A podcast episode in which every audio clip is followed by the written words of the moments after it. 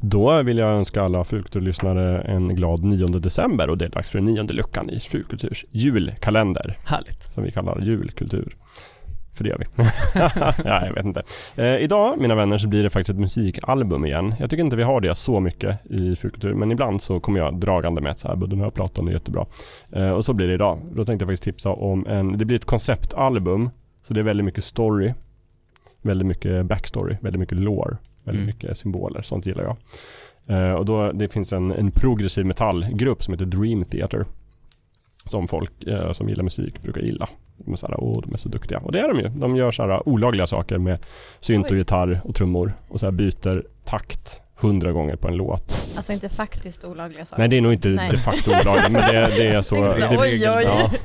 Men om det fanns en lag för hur man får behandla musikinstrument så tror jag att det, den lagen är bruten så. Nej men de är oerhört skickliga och de kan spela vad som helst men det känns ibland som att de har typ åtta armar. Och liksom som att de är robotar som bara så här, jag kan byta takt hundra gånger. Så. Det är väldigt liksom musik, musik. Så.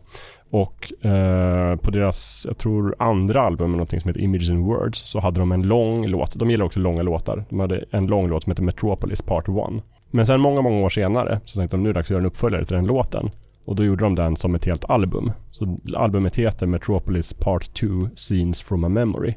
Och är väldigt inspirerad av en film som heter Bom, bom. någonting om Dead. Och jag tror att det är, det är någon tidig Emma Thompson-film eller någonting. Mhm. Där en person är liksom återfödd, reinkarnerad och har liksom minnen från sitt tidigare liv. Och upptäcker detta i terapi Mm. på något sätt. Wow. Mm. Och berätta det för Juliette Binoche. Ah, nej, I wish. Och det är lite samma upplägg i det här albumet också. Att det är en person, eh, jag kommer inte ihåg vad han heter, men det är en han i alla fall, som går till en terapist, tera, ter, Terapeut. För att den har en massa minnen från så här 1800-talet som är Mhm. väldigt gruesome. Alltså att de blir mördad hela tiden. Och liksom det är mycket så här om en ung kvinna som blir mördad av sin älskare. Och sen så visar det sig då mm, under albumets gång att det här är den personens minnen från ett tidigare liv.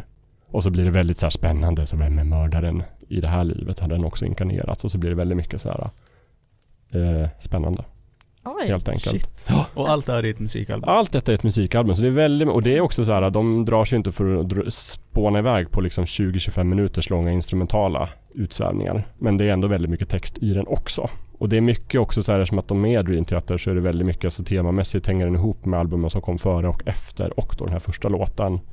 Och liksom det är väldigt mycket symbolik i det, det är väldigt mycket teman och musikklingor som återkommer Mm. och återanvänds och liksom går hit och dit och det är så här, jag vet inte, det är en, en, en riktig upplevelse skulle jag säga. Men Det här låter ju som någonting de som ska bila upp till familjen inför julen. Ja, Bara slå på den, Dream Theater. ja. Så åker ni från Falun till Kiruna. Precis, varför inte? Jag skulle säga så här. Om man är lite nyfiken så skulle man nog börja lyssna på den här första låten som heter Metropolis Part 1 för den är bara sju minuter eller någonting. Och gillar man det man hör där då kan man växla upp till hela albumet. Så gillar man det inte då kanske man ska lyssna på, inte vet jag, Kenny Rogers eller någonting annat som är lite mjukare. Men kan man uppskatta den även om man inte är bekant med bandet sen innan? Ja det var tror jag, det var så här jag blev bekant med bandet. Ah, okej. så, just, eller ja, jag, lite granna tidigare men det var just det här albumet som bara wow det här är jättebra. Och jag lyssnar ju normalt inte på metal.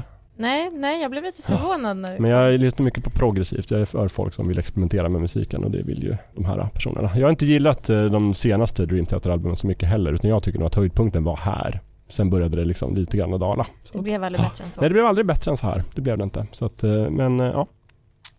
Det var i alla fall dagens tips. Dream Theater. Metropolis Part 2 Scenes from a Memory. Hur lång är liksom hela albumet? Ja men det är vanlig timmar? 50 minuter liksom. Det är en vanlig CD, CD-längd. Så det är inte hur långt som helst. Nej, Det är alltså den, den längsta låten är nog typ 6-7 minuter. ah, okej. Men de går ju lite ihop med varandra. Det är också ganska mycket wailande på ett tag där på spår 7. Mm. Det tycker jag är fint. Det platsar. Och kör i slutet. Oj, oj, oj. Just wow. det.